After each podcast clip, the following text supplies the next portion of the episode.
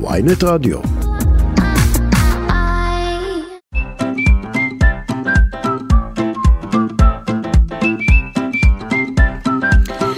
שלום לכם, אה, שוב עוד פרק מעניין של מדעין, שלום לך ורד שפירא. שלום, שלום. ביולוגית במכון דוידסון לחינוך מדעי, הזרוע החינוכית של מכון ויצמן למדע. בדיוק. אז ורד, היום יש לנו תוכנית. וואו. במסגרת הליין, ליין ההפרשות שלנו, כן. כי יש לנו ליין כזה. כי מדע נמצא בהכל. נכון. בהפרשות עצמם שלנו. וגם בהפרשות שלנו. ואיזה הפרשה מהגוף שלנו הכי דוחה אותך. אה, אני לא חושבת שזה עניין של דחייה, אבל מה שהכי אקטואלי לזמן זה שבין אוקטובר למרץ, הוא כמובן הנזלת. בוודאי, חורף, קר, וכולנו מנוזלים כל הזמן. כן. והנזלת מגיעה בכל מיני גוונים, צבעים אה, ו... מרקמים. מרקמים. כן. אה, כן, נזלת זה משהו מאוד מיוחד. כן, את יודעת שאנחנו מייצרים משהו כמו בין ליטר לליטר וחצי ליטרים ביום של נזלת. אני לא מבין, כול, איך זה יכול להיות? או. איך, איך זה יכול להיות? רוב הזמן, רוב הנזלת הולכת אחורה. מאחורה של הגרון שלנו ונבלעת חזרה בזמן שאנחנו זאת אומרת, היא לא תמיד יוצאת מדבר- כן, מה- מהאף נכון, שלנו, נכון. ואנחנו לא, לא שמים לב לזה רוב בכלל שאנחנו הזמן זה מייצרים את פשוט שם, רוב הזמן אנחנו פשוט, בואי נאמר את זה בעדינות, אוכלים את הנזלת שלנו. אוי, זה דוחה. סליחה, אבל אי אפשר לברוח מזה. אבל כן, אנחנו יצורים שזקוקים לנזלת שלנו. למה? אני לא מבינה למה היא כל כך חשובה לנו. היא חלק מהתפקוד שלנו. היא חלק מהעניין של אה, לייצר איזשהו משהו אה, מוקוסי, משהו רירי כזה, שיגרום אה, אה, לרירית האף שלנו, שיהיה איך ללכוד למשל כל מיני גורמים זרים שמנסים להיכנס דרך אה, מערכת הנשימה עלינו. שלנו, והיא שומרת עלינו, והמרקם שלה שהוא קצת מגעיל אותנו, כשהוא לא בתוך הגוף ואנחנו נאלצים להיחשף אליו, אז היא נמצאת שם וזה מה שהיא עושה, התפקיד שלה זה ללכוד דברים. אז אנחנו נדבר על הנזלת הכל כך חשובה לנו בגוף האדם, וגם, לא רק לנו אגב, להרבה יצורים אחרים. אה, יש נזלת כמובן, ו- וגם להם הנזלת מאוד חשובה, הפרשה מאוד מאוד חשובה בגוף שלנו. אה, ורד, אנחנו רק נגיד...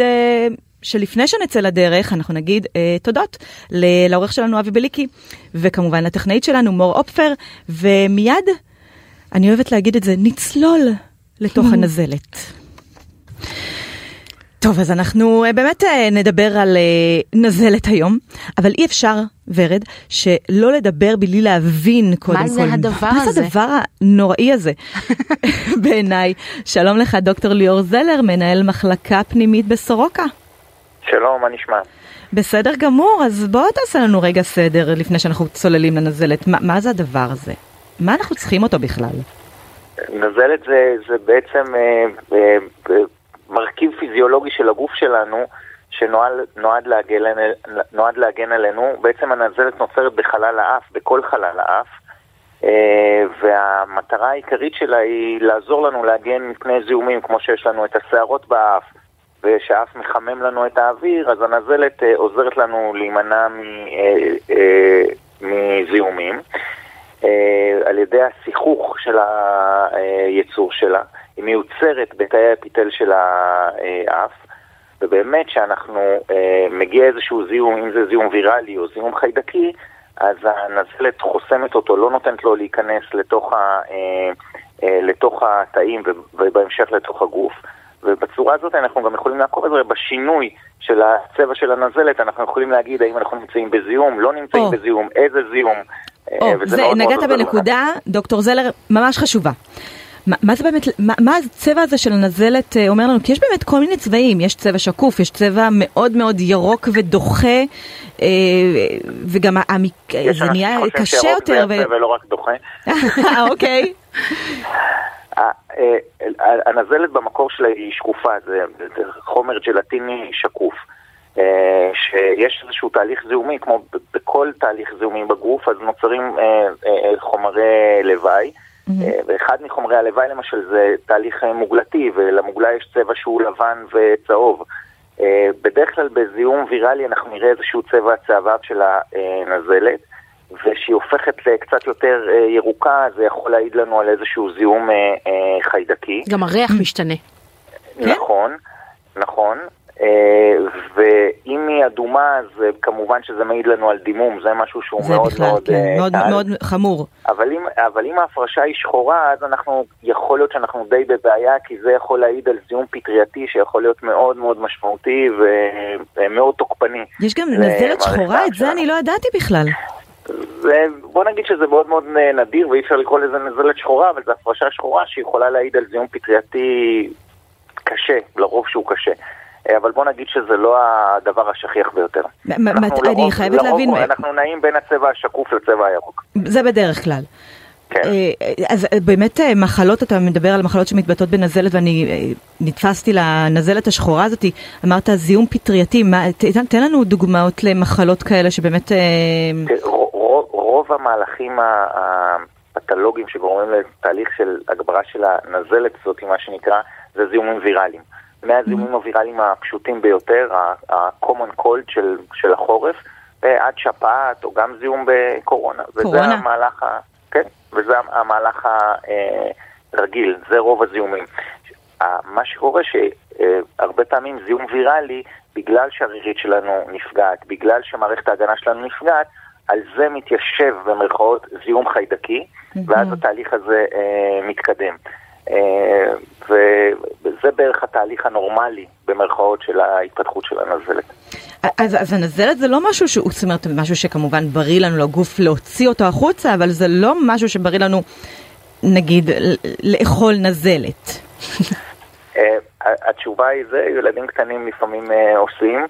לא, אה, לפעמים, אני יכולה לא- להגיד אצלי זה כל הזמן, אז אני לא יודעת, לא, לא אני אישית, לא אבל כן. זה לא מאוד בריא, אבל זה גם לא מאוד אה, אה, מזיק. צריך Mm-hmm. לזכור שההפרשה הזאת היא הפרשה טבעית של, אה, הפרשה טבעית של הגוף, שהמטרה שלה היא, להגן. Mm-hmm. היא להגן, ואנחנו כל הזמן, יש תהליך של בליעה של נזלת, כי חלל האף שלנו קשור לחלל הפה וקשור ללוע, והנזלת הזאת שהיא...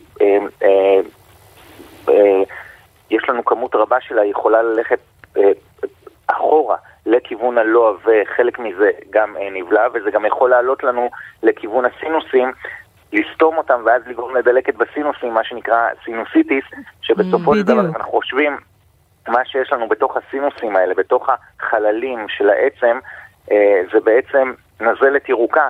עם זיהום חיידקי, זה מה שנמצא לנו שם בתוכו. ואז בעצם ו- הטיפול של זה לדוגמה, כשזה נכנס לסינוסים, זה- בטיפול הזה, הטיפול הזה, אה, אנחנו אחד צריכים לתת טיפול אנטיביוטי לרוב, ושתיים, אנחנו רוצים לייבש את הנזלת הזאת כדי שהיא אה, אה, תצא מתוך החלל. אבל למה יש כאלה ש... אוקיי. מה, אני ממש סקרנית, מה הדרך הטובה ביותר לפתוח אף סתום?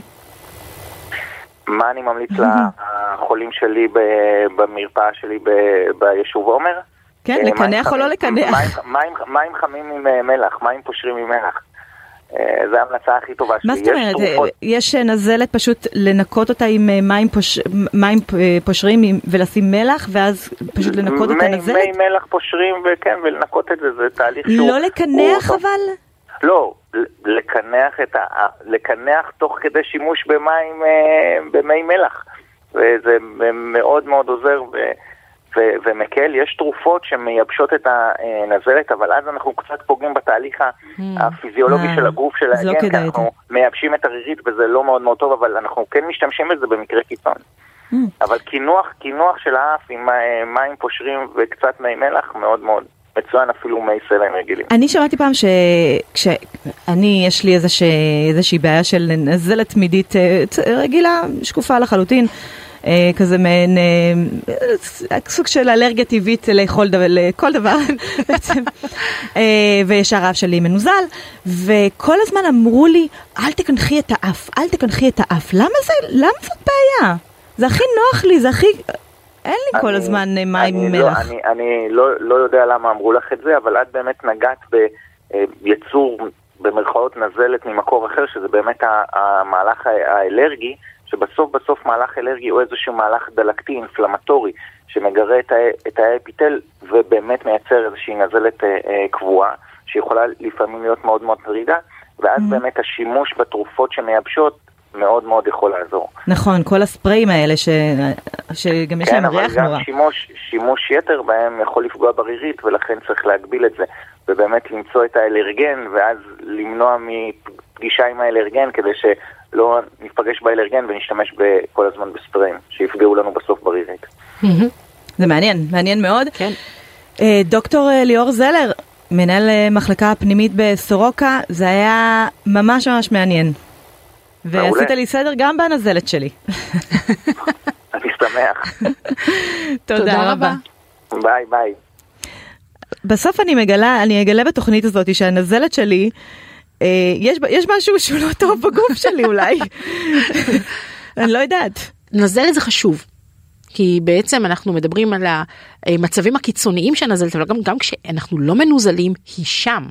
היא שם כל הזמן, והתפקיד שלה זה באמת לאסוף, לשמור עלינו, להיות איזשהו חוצץ בין העולם החיצון לבין האזורים הפנימיים של הגוף, ויש כאן כל מיני אזורים כאלה, נכון? יש לנו את העיניים, שיש לנו כל הזמן איזושהי שכבה רטובה, שגם ככה שומרת על הלחות וגם שומרת שלא ייכנס שום נכון. דבר עם הריסים. כל אזור שהוא פתוח לעולם החיצוני, התפקיד שלו הוא לשמור עלינו מכל מה שנמצא בחוץ, וזה מה שהנזלת עושה במערכת הנשימה שלנו. זה, זה מדהים גם שיש לנו כל הזמן את הנזלת הזאת בגוף, ו, ו, ויש כאלה שגם, הוא דיבר על הסינוסיטיז, אז, אז יש כאלה שיש להם את, ה, את זה יותר, ויש כאלה שאין להם את זה, זה, זה, מאוד, זה מאוד מאוד אינדיבידואלי. נכון. לאנשים מסוימים. כן. זה מעניין, מאוד מאוד מעניין. Uh, טוב, אז uh, אנחנו יוצא להפסקה קצרה, לשיר קצר, uh, ונחזור מיד עם עוד עניינים של נזלת, לדוגמה. נזלת. כן, למה אנחנו מתעטשים כשאנחנו נחשפים לאור, לדוגמה, לדוגמה. רק נותנת uh, בונוס קטן ל...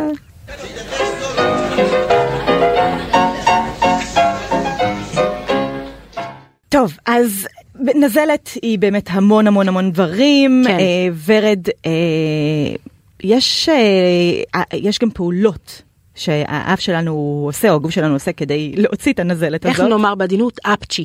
אפצ'י, כן. מי לא אוהב את האפצ'י שלו? אפצ'י זה דבר נהדר. אפצ'י אגב הוא מאוד מאוד מהיר. את יודעת מה מהירות ממוצעת של אפצ'י? מה? אפצ'י יכול להגיע למהירות של 100 מטרים לשעה, וואו. ורסס של כ-100 אלף טיפות.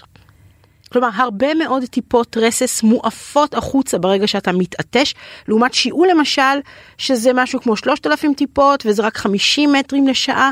כלומר, יש המון עוצמה באפצ'י. וה, והשיעול הוא בסלואו מושן יותר. יותר. המסר הכללי זה שכדאי לשים יד על הפה או ככה. מרפק. אה, גומץ, כן, משתעלים לתוך כן. הגומץ ככה, וחוסכים מכולם את כל הרסס הזה. טוב, אז למה באמת אנחנו מתעטשים, אבל כשאנחנו נחשפים לאור. Mm. את יודעת למה?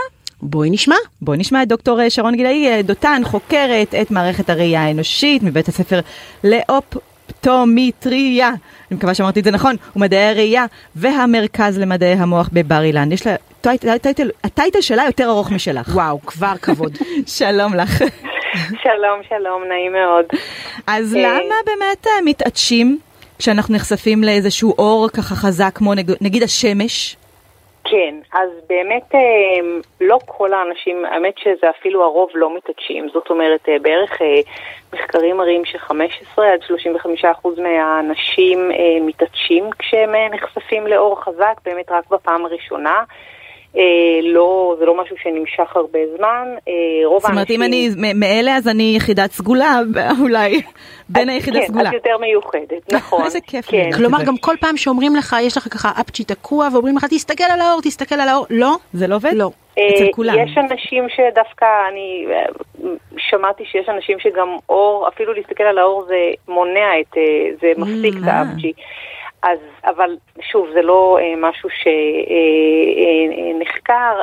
אני כן יודעת שבאמת, אה, זה באמת, יש לזה היבטים גנטיים לאנשים שמתעטשים כתוצאה מאור חזק, שזה יכול להיות באמת אור שמש, זה יכול להיות גם אה, אה, אור חזק אחר, אז באמת יש לזה, זה בדרך כלל, רואים את זה במשפחות, ויודעים, היום יודעים שיש לזה היבטים אה, אה, גנטיים, למרות שלא אפיינו אה, גן ספציפי שיודעים להגיד שהוא זה שגורם לזה. אה, אבל רואים שזה עובר אה, במשפחות. וואו.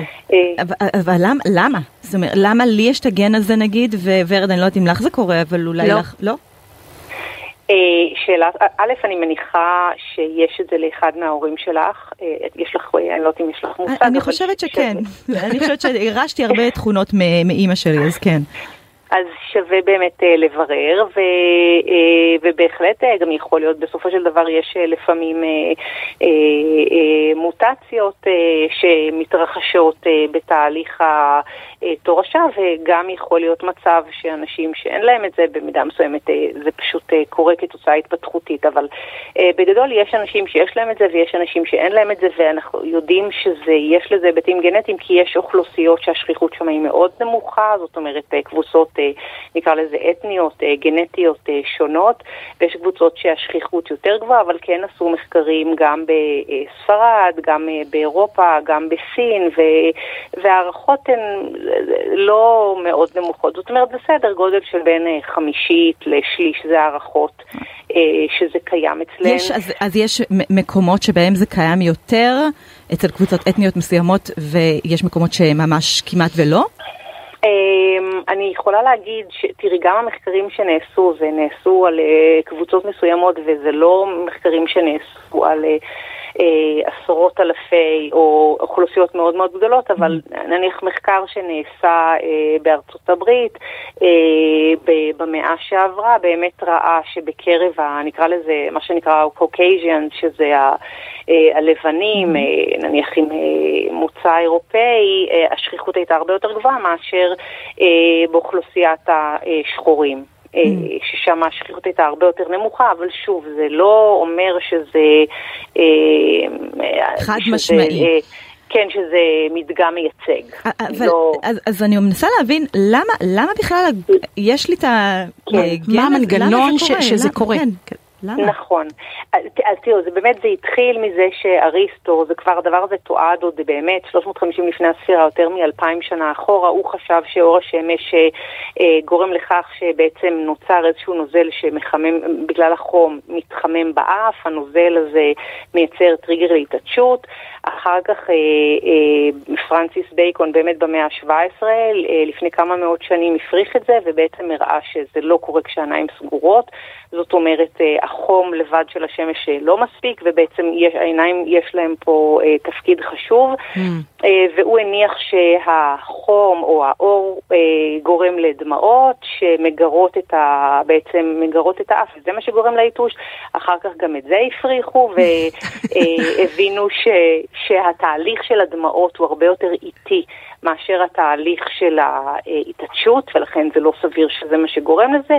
והיום אה, הדעה הרווחת, למרות שאני שוב אגיד המנגנון לא ברור, אבל הדעה הרווחת, ויש כל מיני תיאוריות, שההצעה שהציע הנרי אברט אה, בשנות ה-60, אה, שהוא אמר שזה בעצם אה, בגלל האור, זה בעצם איתוש, הוא קרא לזה פוטיק סניז אפקט, זה בעצם אפקט של התעדשות מבוססת אור, והטענה שלו הייתה שזה איזשהו חיווט מהלשון חוטים, כאילו חיבורים, לא טיפוסי במערכת העצבים. אה, והיום זה mm. כן דבר שהוא מקובל לחשוב שיש, בכלל אנחנו כולנו חושבים שאנחנו אה, מכוותים כמו כל האחרים, אבל יש המון וריאציות בכל מיני היבטים, אז זה באמת כנראה משהו שהוא קצת אחר, ויש כל מיני, אה, יש באמת מספר תיאוריות שמנסות להסביר למה הדבר הזה קורה, למה כתוצאה מאור ולא סתם כתוצאה מגירוי של האף נוצר ריטוש, כי זה קצת לא אינטואיטיבי. רק שאני אבין, חיווט לא נכון, זה אומר שיש בעצם איזושהי זליגה של... לא, לא אמרתי שהוא לא נכון, אמרתי שהוא לא טיפוסי. לא, לא, אנחנו פירשנו את זה כאילו שיש משהו כן, לא בסדר לא. בחיווט שלי. יש אות שהוא אות של אור, אה, שהוא כן. בעצם זולג והופך להיות התעטשות. כן, עכשיו יש uh, באמת, המנגנון של התעטשות הוא מנגנון, זה נראה משהו נורא נורא פשוט, אנחנו הופ עושים אפצ'י, אבל בפועל uh, קורים הרבה מאוד תהליכים בשביל שהדבר הזה יקרה, כמו ש... קורים הרבה מאוד תהליכים בשביל כל פעולה שאנחנו עושים, שאנחנו לוקחים אותה די כמובן מאליו, אבל בהתנהגות שלנו. אז אה, בדרך כלל התעטשות היא משהו שנגרם אה, כתוצאה מטריגר אה, באף, כאילו לגירוי mm-hmm. של האף, ופה בעצם יש גירוי לא של האף, אלא גירוי של העין, נקרא לזה ככה, גירוי אה, אור, שזה הגירוי הטבעי של, ה, של, ה, של העין, ו, וזה מה שמייצר ריטוש. אז זה דבר שהוא פחות טיפוסי. אבל יש יש וריאציות אה, בחיווטים פחות אה, טיפוסיים גם בתחומים אחרים, שאני לא אכנס אליהם, אבל זה לא הדבר היחיד שאנחנו מכירים, ו, ויחסית זה דבר שהוא, א', אני אגיד, הוא לא נחקר המון. התופעה הזאת היא לא משהו שהיא נחקרה הרבה, זאת אומרת, אה, לא משקיעים בה הרבה, זה גם לא דבר שהוא... אה, אה, מסכן בגדול, והוא לא מטרד גדול מדי. כן, אבל אני לא... מציעה את זה כמחקר לאיגנובל, אם אנחנו... אם, אם ככה, רק ש, שידעו. ואני אני, אני רוצה להעלות איזושהי נקודה, כי דיברת באמת שהדמעות זה לא משהו שמתפתח מאוד מהר וזה, ואני דווקא חושבת, אולי, אולי זאת הסיבה שאני דומעת מהר. זה, זה יכול להיות שזה נובע אולי אחד מהשני, אני, אני נוטה לדמוע. כשקר מדי, כשחם מדי, לא רק רואה סרט עצוב. א', בהחלט יכול להיות, יש הרבה מאוד הבדלים, למרות שאנחנו יודעים על מנגנונים, אנחנו גם יודעים שיש הבדלים בין אישיים בכל מיני מנגנונים, אם זה ביכולת לזהות פרצופים, ברגישות, בחדות ראייה, ברגישות לאור, ברגישות לשמיעה ולכל מיני דברים, גם למגע, ויש הרבה מאוד שוני בין אנשים, למרות שיש איזשהו ממוצע שמאפיין את האוכלוסייה. ובהחלט יכול להיות שגם פה, למרות ששללו את זה מטענות לוגיות, אז בהחלט יכול להיות שאולי אנשים שיש להם את זה, מנגנון הדמעות שלהם פועל בקצב אחר מאשר הממוצע שבאוכלוסייה. אז אני, כן, אז בהחלט מחקר מעניין. אז הנה, אני, אני מאתגרת אותך. דוקטור שרון גילני, דותן, אני מאתגרת אותך, בואי, תעשי את המחקר הזה, אני מוכנה להיות המושא המחקר הראשון שלך, אם כבר עשינו כאן ניתוח של הגוף שלי. אז אפשר לדבר אחרי התוכנית לגבי הכיוונים האלה בהחלט. אנחנו פתוחים בבית הספר לאופטומטריה במדעי הרי בבר אילן, אנחנו בהחלט פתוחים לשמוע ולחקור תופעות שקשורות לראייה. עם אריסטו חקר את זה. נכון, זה כבר בהחלט, כן, זה משהו שהוא מתועד מאוד רחוק, אחורה בזמן, זה בהחלט תופעה ידועה, אבל כן, יש הרבה מנגנונים, אפילו אנחנו לא יודעים הרבה מאוד מנגנונים גם של הגוף שלנו וגם ברפואה, עדיין יש הרבה מאוד ידע שחסר לנו בלהבין, אבל המדע עוסק בזה באמת בעקבות צד סקרנות, צד, והנה, העלית את הסקרנות. תודה רבה לך, דוקטור שרון גילאי דותן, חוקרת את מערכת הראייה האנושית, אני אגיד עד לפה, כי זה כבר ארוך לי מדי. תודה רבה תודה לך. תודה רבה, תודה, תודה. הבנו משהו על האפצ'י שלי? וואו, אפצ'י זה בכלל מרתק. נכון? כן. יש המון שירים על אפצ'י, את יודעת? כן, אז קודם כל, שירי ילדים. אז קודם כל האור גם גורם לנו באמת לדמוע, כמו שאמרנו, אבל כשאנחנו מתעטשים, תנסי פעם להתעטש עם עיניים פתוחות. אני לא חושבת שאני יכולה לעשות את זה. כי אי אפשר. כשמתעטשים נסגרות העיניים. למה? אז זאת שאלה מצוינת, אחת ההשערות שפעם היו, ואני לא בטוחה מה יצא מזה, כדי באמת כדי, כדי שמהעוצמה של האפצ'י, לא, אמרנו כבר כן. שזה מאוד לא תעשה לעצמך איזשהו נזק אבל אני לא בטוחה מה המנגנון הפיזיולוגי שבאמת גורם לעיניים להיסגר אבל עובדתית אתה לא מסוגל להתעטש עם עיניים פקוחות. תנסו את זה בבית. כן, או שלא. או שלא. כן, נעשה הפסקה קצרה לאפצ'י קצת. מר אפצ'י, שיר לילך גליקסמן.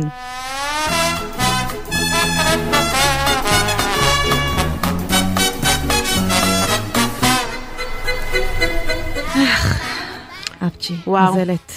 ריקי, מה את חושבת על מוקופגיה? קודם כל אני לא יודעת מה זה בכלל. מה?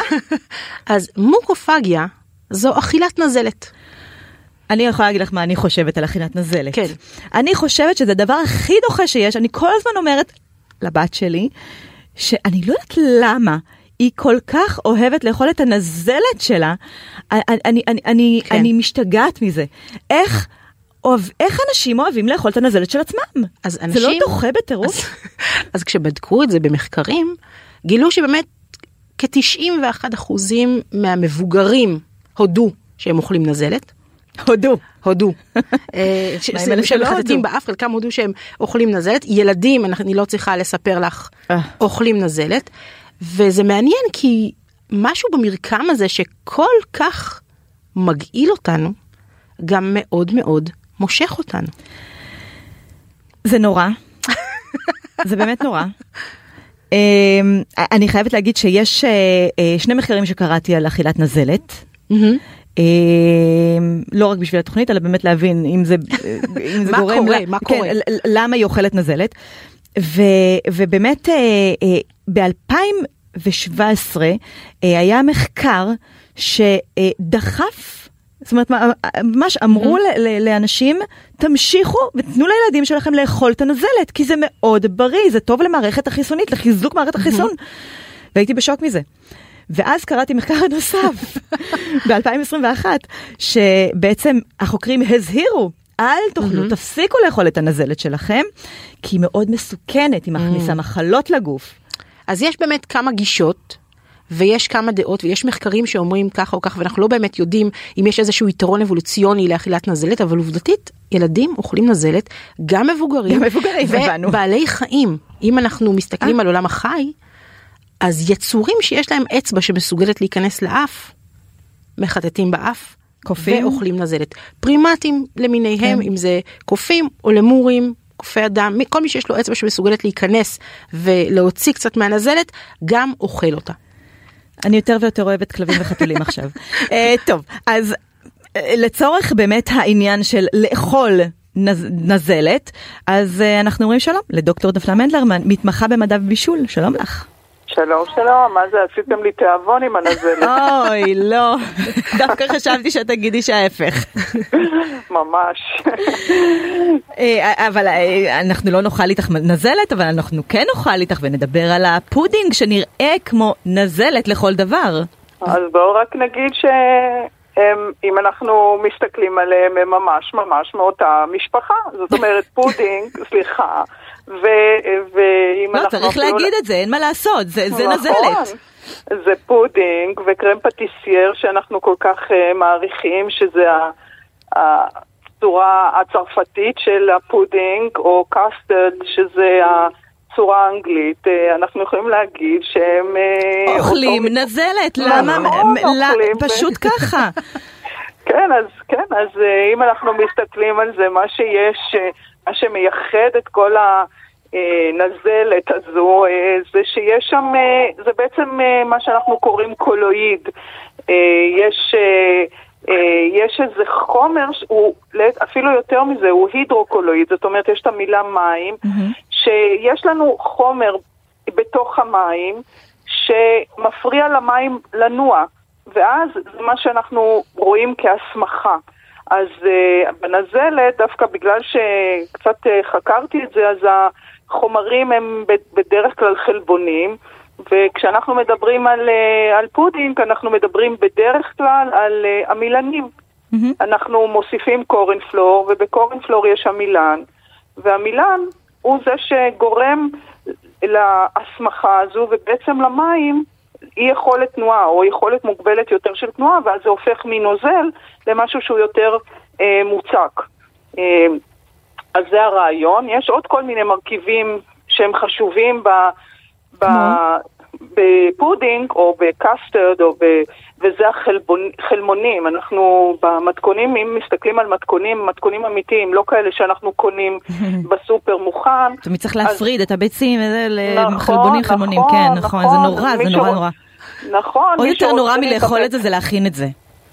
תראי, אה, קרם פטיסייר בתוך, אה, את יודעת, אה, זה, זה לגמרי לא נורא, זה אפילו מאוד מאוד טעים, מוסיפים וניל, מוסיפים כל מיני דברים, אבל זה ממש, אבל זה אומנות להכין את המרקם הנכון. כדי נכון. לקבל בדיוק את הקרם פטיסייר ש, שממש קרמי לך בפה ונעים לך בפה, אז זה, זה אומנות, זה ממש אומנות. מה שולט בעצם דווקא בסמיכות של הפודינג?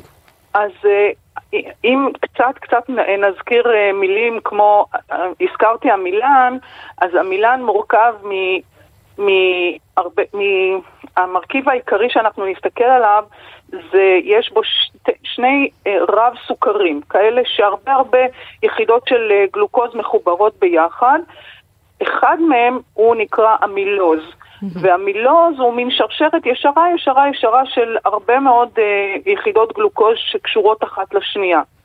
כאשר אנחנו מכינים את הפודינג, אז אנחנו מחממים בתוך מים, העמילוז הזה, בכלל העמילן סופג הרבה מים והעמילוז מתחיל לדלוף החוצה או לצאת החוצה לתוך התמיסה לצורך העניין. ואז השרשרות האלה יוצרות מעין רשת כזו מאוד, אה, רשת צפופה שבתוכה נלכדות מולקולות המים ולכן אנחנו מרגישים את הסמיכות. עכשיו ככל שיש אחוז, אני לקראת המפגש הזה שלנו בדקתי על כל מיני חומרים, אה, למה קורנפלור ולא, יש כאלה שעושים את זה גם עם קמח רגיל, אבל למה דווקא קורנפלור, או למה קמח אה, אה, תירס, mm-hmm. כי תירס הוא עשיר, עשיר יחסית במילוז, mm-hmm. ולכן ההסמכה היא יותר אה, יעילה, יותר מהירה, יותר... אה, אה, אנחנו מקבלים את המרקם שאנחנו ממש רוצים. וככל אותו. שזה תופס בעצם יותר מים, זה יהיה יותר רירי ויותר סליימי ויותר לא, רועד לא, כזה? לא, להפך, לא, להפך, אנחנו צריכים לשלוט במידה שבה אנחנו יוצרים את הסמיכות. כי ככל שנוסיף, נשים יותר קורנפלור, זה יותר יתקשה.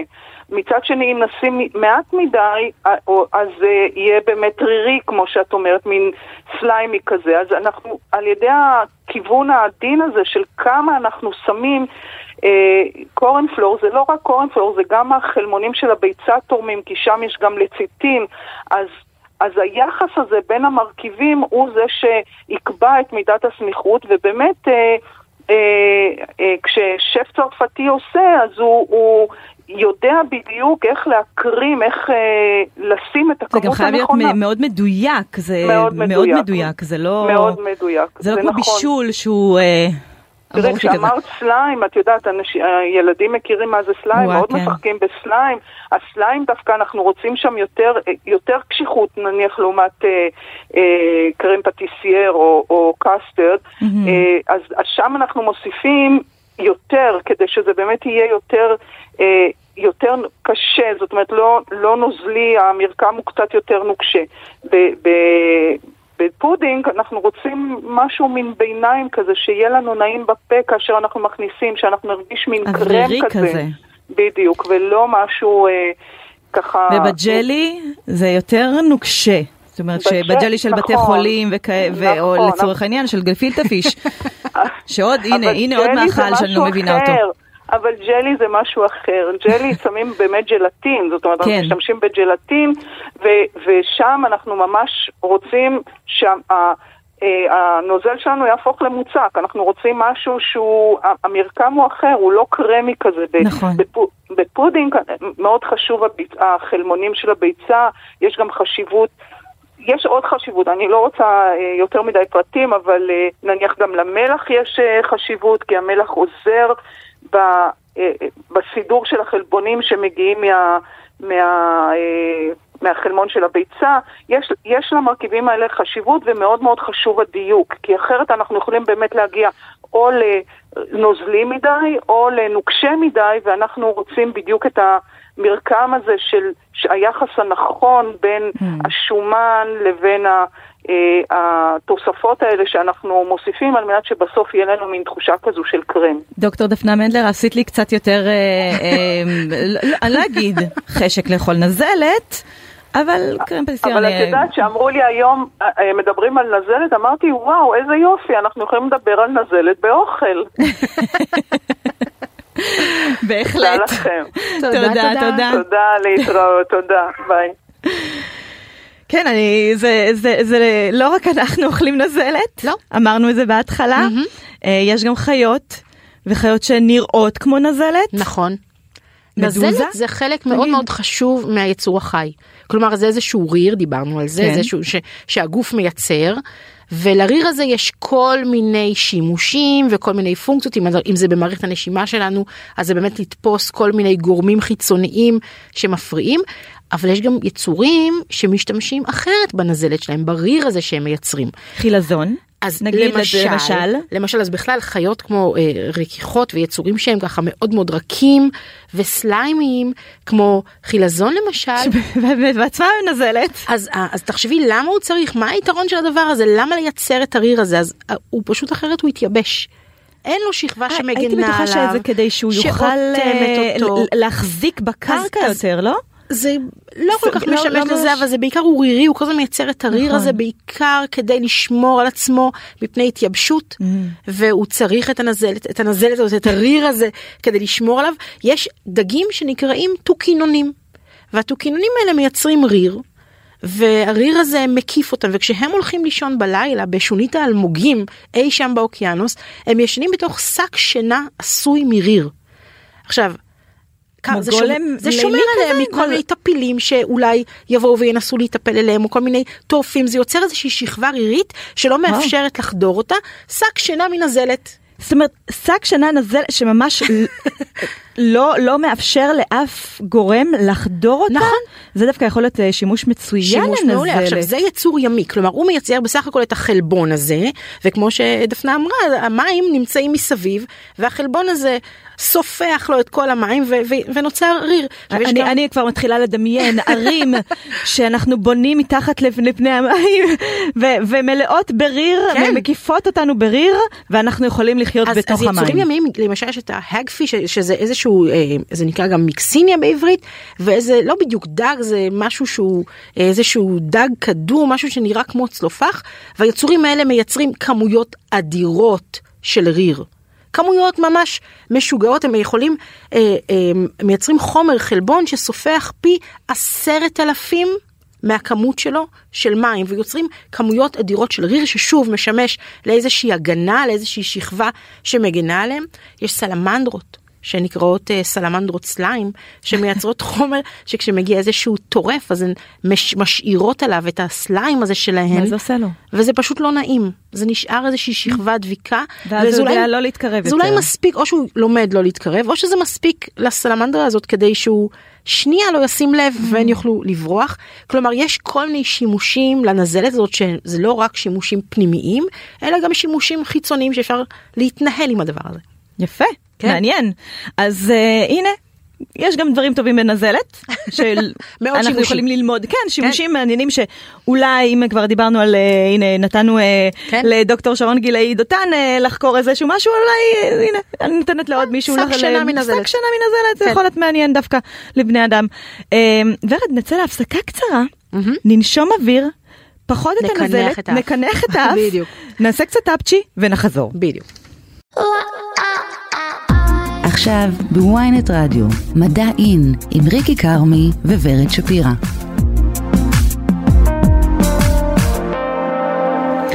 טוב, אז אנחנו מדברים, דיברנו על כל מיני ג'לים למיניהם, וגם קצת דיברנו על הסליים הזה. נכון ה slime אכיל שזה הקרם פטיסייר והפודינג כל הדברים למיניהם. האלה, אבל אה, דוקטור אבי זייג, כימאי ממכון אה, דוידסון, הזרוע החינוכית של מכון ויצמן למדע, יצלול איתנו לתוך הכימיה של הסליים הזה. מדעי הסליים. מדעי כן. הסליים. אה, לא, אבל אני, אני על, על הסליים לא אכיל, הסליים, הסליים, ה... בדיוק. אה, לא אחי, לא, לא, לא. הסליים של הילדים. כן. כן, כן. אני, שתדע לך שאני לא לא. אוהבת את זה, אה.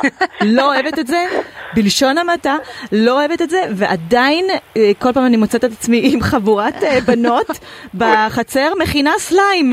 איך זה תפס? זה משהו מטורף. זה מטורף. אני, אני במכון דוידסון עושה ניסויים לילדים, ועוד לפני שהתחיל הגל, אה, ראיתי כזה מתכון, אמרתי משהו נחמד, אולי אני אצלם אותו משהו. כאילו, לזהות טרנדים לא זיהיתי. וזה תפס כבר איזה ארבע שנים, חמש שנים כבר יותר, סליים. כן, זה זה משהו מטורף. יש אה, סרטונים ביוטיוב, איך להכניס סליים, ואיזה סוגים של סליים. ועם. נצנצים, ועם אה, חרוזים, וואו. אז אני אגיד את המתכון למרות שזה מגוחך, כי כל ילדה אה, בת אה, 12 יכולה ל- ללמד מיד אותי. נקבל טלפונים לא, לא, שתדע שיתקנו שזה אותך. חשוב, כי לפעמים הסליים שלי לא עובד. אה, אה, הוא לא אוקיי. מצליח. אוקיי, אוקיי. לא, מה שבטוח זה לא לעשות סליים עם כל מיני חומרי ניקוי, יש כאלה שמים מרכך כביסה, זה... עם- הרי- עם הרי- שמפו. לא, אבל הרבה, הרבה דברים כאלה, כתוב עליהם לפעמים, אה, נגיד מרכך כביסה, אה, חומר מגרה, לא לגעת, אם נוגע לשטוף את היד, אז ברור לא לעשות עם זה דברים, שלא לעשות עם זה דברים שאתה אמור לגעת בהם בידיים. זאת אומרת, אני דווקא כן ממליץ על הבורקס, אה, למרות, יש אנשים שאלרגיים אליו, אז מי שאלרגי כמובן שלא ייגע, אבל הוא יחסית חומר בטוח, הוא, חומר בסדר, הוא לא, לא מסוכן. אז אה, אני רוצה להסביר יותר, חוץ מהמתכון, אני אומר, המתכון זה קצת טיפשי, אני אסביר כאילו מה קורה בעצם, מה, מה הקסם שקורה. בהחלט. כן, אז, אז המתכון הכי בסיסי לסליים זה לקחת חצי כוס של דבק אה, פלסטי, לערבב אותו עם חצי כוס מים, ואז, משהו מוזר, זה יוצא עוד יותר נוזלי הרי, כן? חצי כוס אה, דבק פלסטי וחצי כוס מים זה לגמרי נוזל, ואז לוקח עוד חצי כוס מים, ושם בה איזה חצי כפית בורקס מערבב עד שזה נמס, מתחיל להוסיף, כן? ואז קורה קסם וזה הופך לנזלת של הסליים, כן? כן, אתה מתחיל להוסיף את אבל זה, זה הופך להיות נ, נזלתי. נזלתי, מאוד, כן. והנזלת, ה- אתה יודע, ממש... אה, ממש נזלת, ממש נזלת. ממש נזלת, כן, נזלת, כן, דוחה כן. ביותר. כן. ואז אבל זה צריך גם לה... זה, זה גם הופך להיות יותר קשה עם, עם הזמן או משהו כזה, לא? כן, זה... כן, כן, כן, כי כי קצת... טוב, אז מה, מה קורה בעצם? מה, מה הקשר? מה הבורקס עושה? אז דבר ראשון בוא נגיד מה זה דבק פלסטי. דבק פלסטי, מבחינת המשפחה של החומרים, זה נקרא פולימר. סליחה על המילה הגסה, פולימר, מה זה פולימר? זה מורכב משתי מילים. פולי זה הרבה, כמו אה, פוליגמיה, שיש לך הרבה ילדים, כן?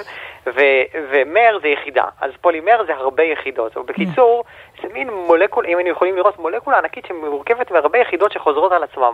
ואם נשווה ש- למה שדפנה אמרה באייטם לפניך, זה בעצם שרשרות מאוד ארוכות, כמו השרשרות של המילוז ש- שהיא דיברה עליהן ב- קודם. ב- בדיוק, בדיוק, בדיוק. רק עם חומר אחר, שזה דבק פלסטי. עכשיו, לכל שרשרת כזאת יש איזה, איזה אזור שהוא, שהוא בעצם גורם לזה להיות דביק, כן? שזה, זה, בגלל זה, זה בזכות, בזכות האזורים האלה זה נדבק נגיד לנייר ועץ, זה מדביק אזורים טוב.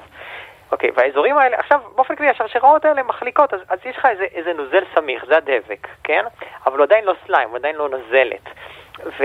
אגב, זה יכול להיות כל דבק, כי אני הבנתי שזה בעיקר עובד טוב עם דבק לבן, לא עם בעיקר- הדבק השקוף. ו... עם השקוף, עם השקוף ככה ככה, כי גם זו אותה משפחה, אבל זהו, בזה זה נגמר. זאת אומרת, לא דבק אצטון ולא זה, כי, כי, כי הנקודות הדביקות האלה הם הנקודות מפתח. עכשיו, בבורקס, בורקס, אה, זה איזה יסוד זה, שקוראים לו בור, אחד מהיסודות, והוא, יש לו מין כאילו ארבע זרועות. כאילו זה מין איזה אטום עם ארבע זרועות. ומה שקורה, אה, יש לנו את השרשראות האלה שמחליקות אחת על השנייה, כמו נגיד ספגטי עם הרבה מים, כן? אבל עדיין מחליק ונוזלי כזה. הבורקס, כאילו, יש לו את הארבע זרועות, הארבע זרועות האלה, והן תופסות, כל זרוע תופסת שרשרת של, אה, של, אה, של דבק פלסטי, של הפולימר, ומחזיקה אותה. שר... זרוע אחת תופסת שרשרת, עוד זרוע אחת תופסת שרשרת, עוד זרוע אחת תופסת שרשרת, עוד אחת. ואז כאילו השרשרות נקשרות.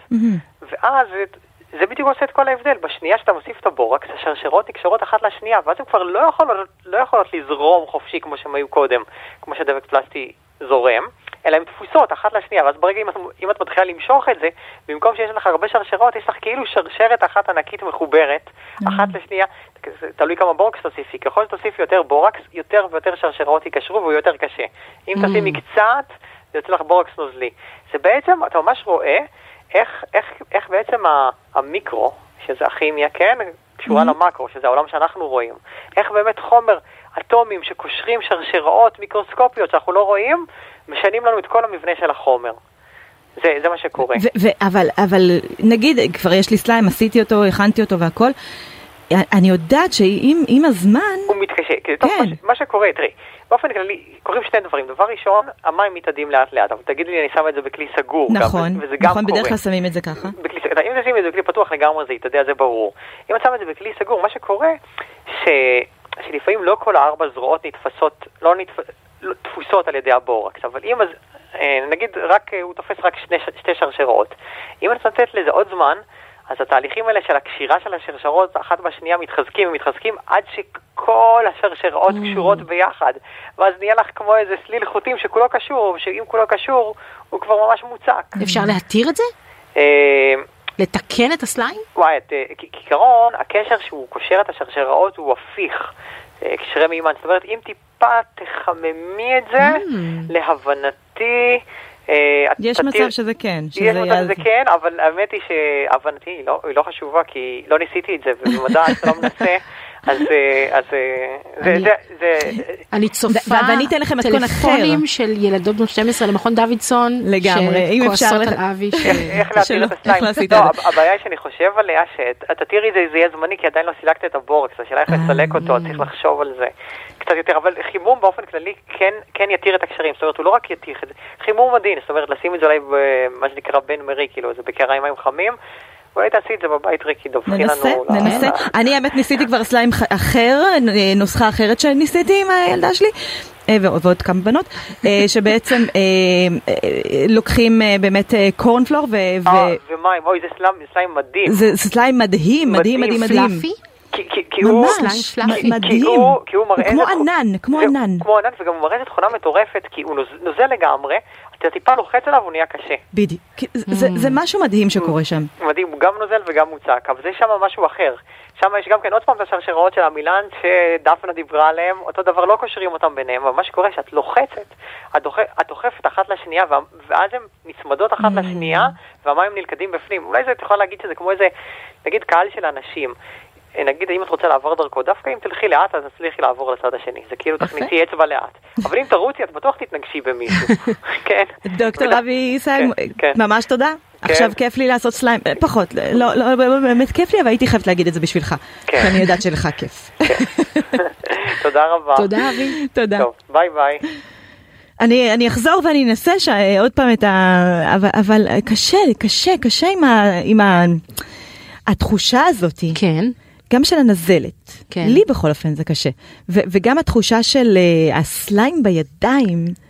יש, אני לא מבינה איך, איך, יש כאלה שממש חייבים את זה, זה, זה, זה יש בזה משהו להם נורא משהו נעים. תרפי. כן. זאת גם אחת הסיבות כנראה שילדים אוהבים לשחק בנזלת, זה משהו שהוא מאוד אה, בסיסי. אבל בואי אני. אספר לך על ריר מאוד מאוד מיוחד. חשבת פעם איך צפרדעים אוכלות? אה, פה? מה, זאת אומרת איך הם איך אוכלים? צפרדע תופסת זבוב? עם אה, הלשון? יפה, של- נו. היא שולחת את הלשון שלה, והלשון שלה פוגעת בזבוב, ומה קורה אז?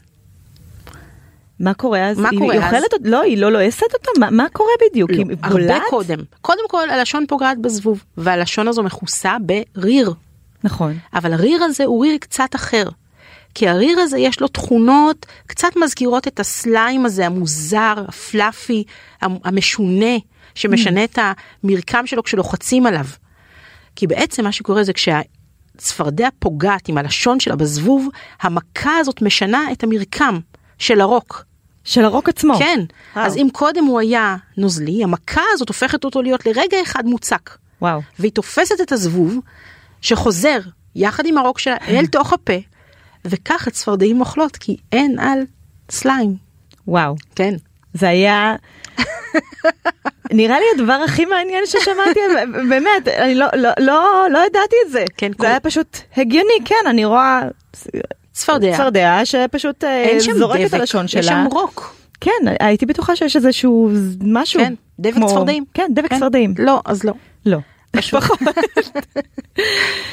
טוב, זאת הייתה תוכנית מאוד מעניינת על הסליים, מאוד רירית. במסגרת הליין, מאוד רירית, במסגרת הליין שלנו על הפרשות, אנחנו כמובן מבטיחים לכם כן. עוד תוכניות מעניינות על הפרשות, דם, יזע ודמעות. דם, יזע ודמעות, כן. אנחנו גם נשקיע בזה אה, את הדם ויזע והדמעות האלה בתוכניות האלה.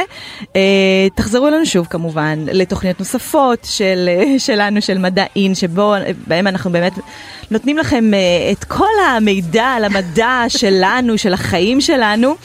אה, ורד אה, שפירא, ביולוגית במכון דוידסון לחינוך מדעי הזרוע החינוכית של מכון וייסמן למדע. תודה, תודה רבה רבה. לך. תודה ריקי. ותודה רבה גם לעורך שלנו אבי בליקי ולטכנית שלנו מור אופפר. תחזרו לנו גם שבוע הבא לעוד תוכנית מעניינת. נתראה.